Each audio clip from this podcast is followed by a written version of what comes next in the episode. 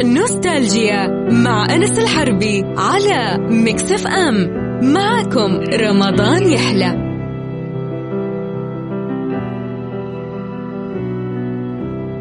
يسعد مساكم وأهلا وسهلا فيكم في نوستالجيا. معكم أخوكم أنا أنس الحربي. ومثل ما تعودنا في نوستالجيا ناخذ قصة ونتعمق فيها. وش سوت في التاريخ، وش صنعت، وش الإنجازات اللي سوتها. اليوم عندنا قصة حياة أبو بكر الرازي اللي يلقب بجالينوس العرب. ناخذ شوي نبذة عن حياة أبو بكر الرازي. هو أبو بكر محمد بن يحيى بن زكريا الرازي. ولد في مدينة الري سنة 230 للهجرة. وكان أبو زكريا محمد يشتغل في الصياغة اللي هي يصوغ المجوهرات والذهب وهالأشياء. وكعادة أي طفل مسلم زمان يعني كان عندهم ستاندر يعني. أنت في هالعمر لازم تحفظ القرآن والفقه. فحفظ الرازي القرآن وهو عمره عشر سنوات. وكان ماهر جدا في الحساب. وكما جرت العادة أنه أي شخصية نذكرها ما لها تفاصيل أو تفاصيل طفولتها غامضة. يعني هالمرحلة في كتب التاريخ ما هي معروفة كثير. واللي توصل أغلبها تكون ملفقة أو مكذوبة أو يعني مؤلفة. فغالبا مراحل الطفولة لهالشخصيات تكون غامضة. من وصل الرازي عمره عشرين سنة ناداه أبوه عشان يشتغل معاه في الصياغة. فاستجاب الرازي وراح يشتغل مع أبوه. وفي الليل يروح لصديق أبوه الصيدلاني في المستشفى التابع لمدينة الري. فدرس الطب على يدين هالشخص. وجلس عشر سنين إلين بدأ يشتهر الرازي في الطب. تعمق كثير جدا في مجال الطب. وبعد ما انتهى الرازي من دراسة الطب في مدينة الري سافر إلى مدينة بغداد. وصدف أن الخليفة المعتضد بالله كان يبي يبني مستشفى متطورة شوي في مدينة بغداد. فجمع كل العلماء والأطباء عشان يختار مين يترأس أو مين يشرف على هالبناء. فكان عدد هالعلماء والأطباء مئة شخص وكان من ضمنهم الرازي. وسوى مثل التصفيات كذا إلين وصلوا خمسين شخص من بينهم أيضا الرازي. إلين صفوا على عشرة ومن ضمنهم أيضا الرازي بعدين لين تصفوا إلى ثلاث. فسأل المعتضد بالله وزيره مين أختار من بين هالثلاث. فقال الوزير من وجهة نظري يا سيدي إن الرازي أفضل هالأشخاص. وجدا إنسان متمرس في هالمجال فاختار المعتضد بالله الرازي. وقال له أبيك تبحث لي عن المكان المناسب في بغداد لبناء هالمستشفى. فراح الرازي البيت وجلس يفكر ويفكر فاختارت في باله فكرة. وهالفكرة يا جماعة الخير بقيت تستخدم بعد وفاته لمدة طويلة جدا. وهو أن يجيب قطعة لحم كبيرة ويقطعها إلى قطع صغيرة. بعدين ياخذ هالقطع ويوزعها في أماكن بعيدة. فجاء فتيان وأعطى كل فتى قطعة لحم وقال لهم كل واحد فيكم يحط القطعة في المكان الفلاني. وكان مخطط الرازي إنه ينتظر أيام ويشوف إيش يصير على قطعة اللحم. وفعلا بعد ما أرسل الرازي الفتيان لمناطق متفرقة بقطعة اللحم بدأ يروح يسجل الملاحظات يروح للقطعة الفلانية في المنطقة الفلانية ويسجل عليها ملاحظات ويشوف إنه إيش صار على مراحل التعفن اللي في اللحم. ولاحظ إنه في قطعة لحم من بين هالقطع التعفن فيها بطيء جدا. وما خربت كثير. فقال بس هذا هو مكان المستشفى. فراح للخليفة وحدد هالمكان لبناء المستشفى. فكانت هالمستشفى من أحدث المستشفيات في العالم في ذلك الوقت. يوجد فيها أجنحة خاصة بالرجال وثانية بالنساء والأطفال وكبار السن. وكان مزود بأحدث على ما يقال التقنيات في ذاك الوقت. وكان في مكان في المستشفى يتعلم فيه التلامذة الطب. وكان الرازي يجتمع بالتلاميذ والمساعدين والأطباء للتشاور في الحالات المرضية وتشخيصها. فيبدأ التشخيص من عند التلامذة فإن عجزوا يروحون للمساعدين وإن عجزوا ينتقلون للأطباء وإن عجزوا الأطباء يرجعون للرازي. فيتولى الرازي بنفسه التشخيص والعلاج وتحديد المظاهر والأعراض وطرق العلاج لهالأمراض. طيب إيش رايكم نروح الفاصل؟ يلا نروح الفاصل. فاصل قصير ونكمل معاكم سيرة جالينوس العرب أبو بكر الرازي. خليكم ويانا. نوستالجيا مع أنس الحربي على مكسف أم. معكم رمضان يحلى.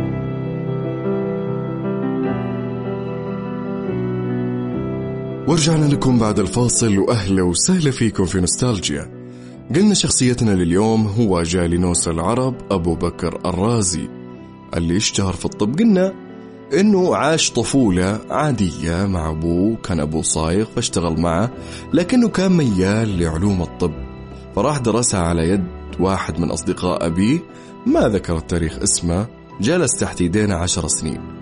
بعدين تطور تطور إلى انشهر وذاع صيته في الطب وانتقل لبغداد فالمعتضد بالله خليفة بغداد أو والي بغداد سوى زي مثل المسابقة. أفضل مئة عالم جمعهم وطبيب فسوى تصفيات عشان يبي يبني مستشفى. فرست على الرازي من مئة شخص كان أفضلهم شخصيتنا لليوم أبو بكر الرازي.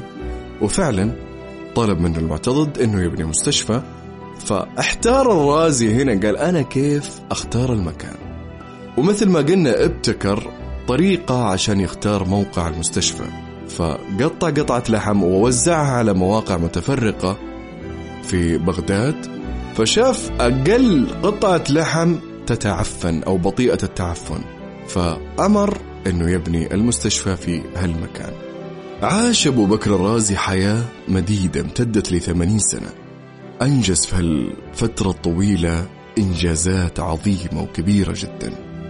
ومن أحس أبو بكر الرازي أنه قرب أجله بعد ما جاته الأمراض الكثيرة اللي تراكمت عليه مثل مرض المياه الزرقاء في عينه اللي أصابه وهو في سن الخمسة والسبعين طلب الرازي من الخليفة القاهر بالله أنه يعفيه من منصبه في المستشفى ويبي يرجع إلى مدينة الري مسقط رأسه عشان يموت بين أهله فوافق الخليفة على طلبه.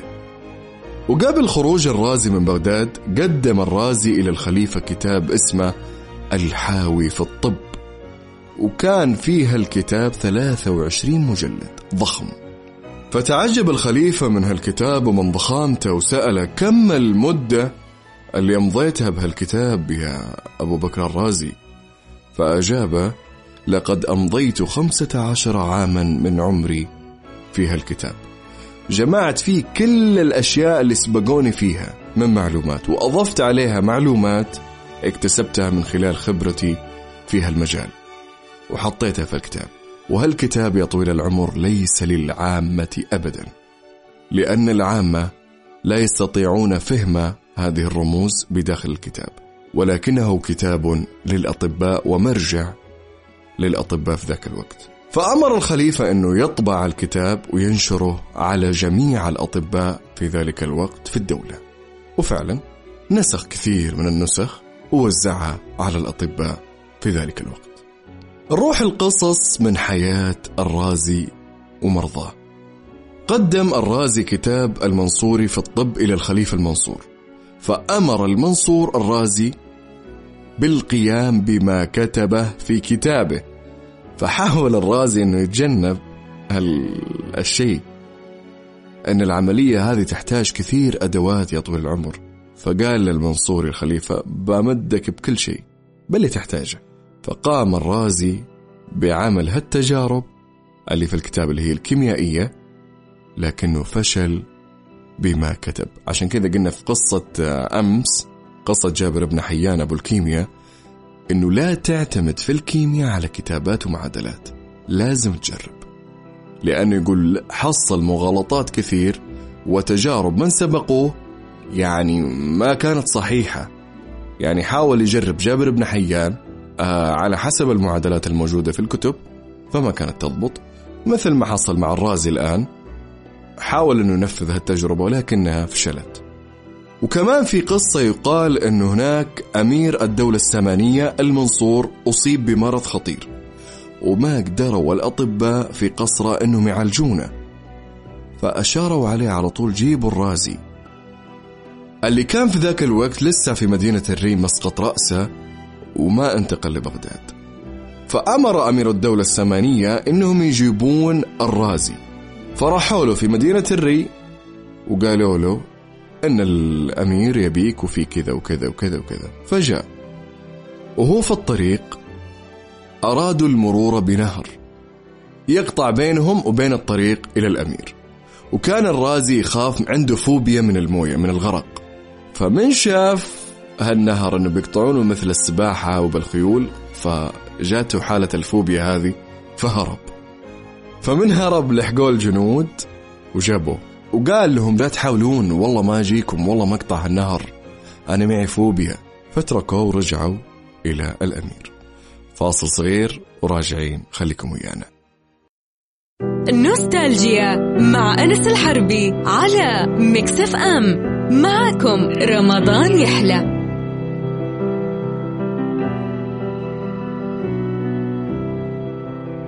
ورجعنا لكم بعد الفاصل وأهلا وسهلا فيكم في نوستالجيا. قلنا شخصيتنا لليوم هو جالينوس العرب أبو بكر الرازي. اللي اشتهر في الطب قلنا جاته حالة الفوبيا هذه فهرب. فمن هرب لحقوه الجنود وجابوه. وقال لهم لا تحاولون والله ما أجيكم والله ما اقطع النهر. أنا معي فوبيا. فتركوا ورجعوا إلى الأمير. فغضب الأمير وقال لهم جيبوه رغما عن أنفه بالغصب يجي. فذهب الجنود وأحضروا إلى الأمير. بل قوة تجي فوبيا ولا غيرها. غمض عيونك سوي اللي تبي نطلعك خيل.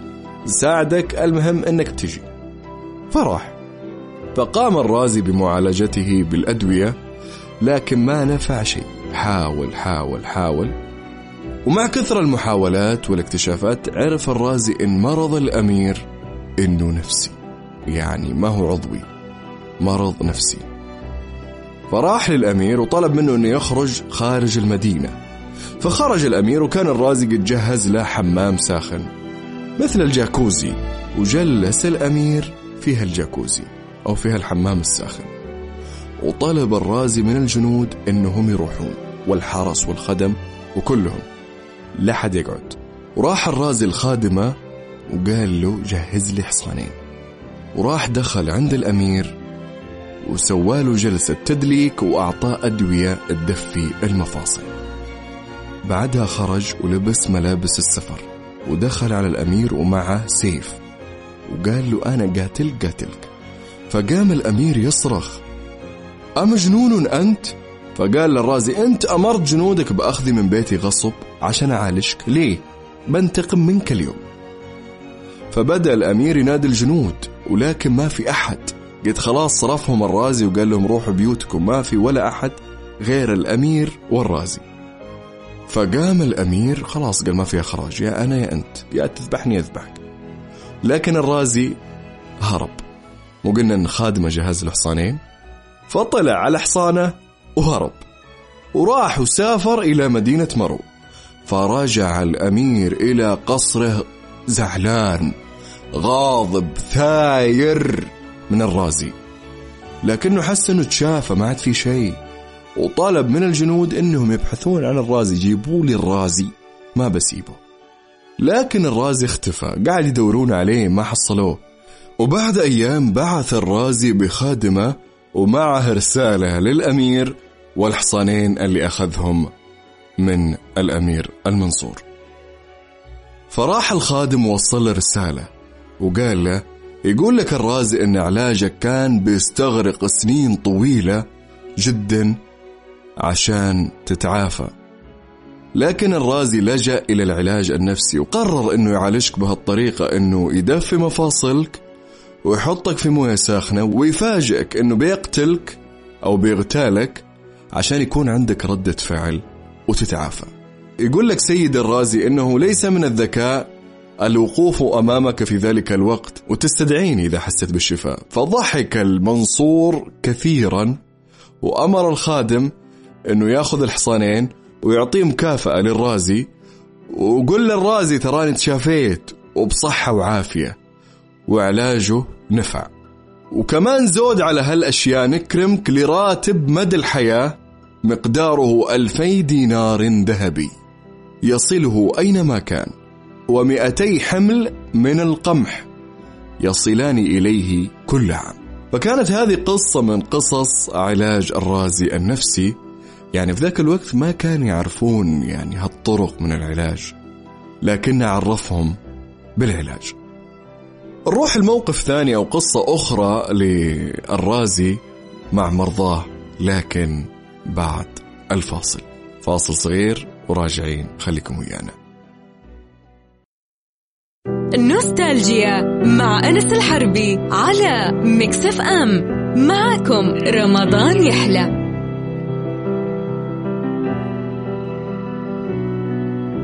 ورجعنا لكم بعد الفاصل وهلا وسهلا فيكم في نوستالجيا. قصتنا لليوم هي عن شخصية أبو بكر الرازي جيلانوس العرب. شخصية عظيمة وصلت مراحل عظيمة في الطب في العلاج النفسي وفي يعني ابتكر أشياء جدا كثير في مجال الطب. قلنا نبي نقول رواية ثانية حصلت له مع مرضاه بعد ما روينا اللي صار له مع الخليفة المنصور بعد ما عالجه. يعني هو عارف ضربة حظ اللي سواها. قال خلنا هاجمه بالسيف أخوفه. واهرب لا تعالج استدعاني. ولو ما تعالج أنا بعيد عنه ولا أدري عنه. لكن في النهاية تعالج الأمير وقلنا صرف له راتب مدى الحياة صرف له غذاء أو قمح سنويا يوصل له فين ما كان. نروح الرواية الثانية. يروى أن غلام جاء إلى الرازي وهو ينزف الدم أو ينف الدم من أنفه. ففحصها الرازي وأخذ يسأل عن حاله من بداية العلة. وقاعد قاعد يستنتج من الفحص والإجابات اللي حصلها من هالغلام.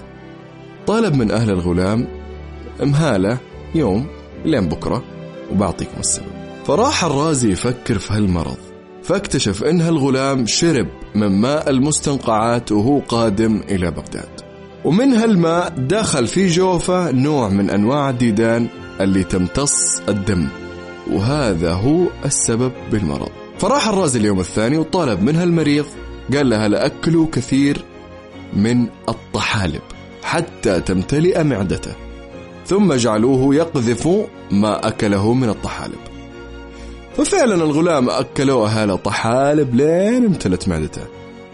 بعدها قذف ثم عثروا على هذه الدودة اللي قال عليها الرازي. وبذلك تشخيص صحيح واستنتاج وعلاج. للرازي كثير مؤلفات ألف أشياء كثير جدا في مختلف المجالات مو بس الطب. يعني مثل ما نقول في كل حلقة أن علماء المسلمين زمان كانوا يتعمقون في كذا تخصص. يعني أنا مو شرط أني أكون طبيب يعني ما أكون فيلسوف. ومو شرط أني أكون فيلسوف ما أكون فاهم في الرياضيات. نذكر بعض هالمؤلفات. في كتب الطب كتب الحاوي في الطب وهو أشهر كتاب للرازي. وتم تدريس هالكتاب في أوروبا حتى القرن الرابع عشر الميلادي.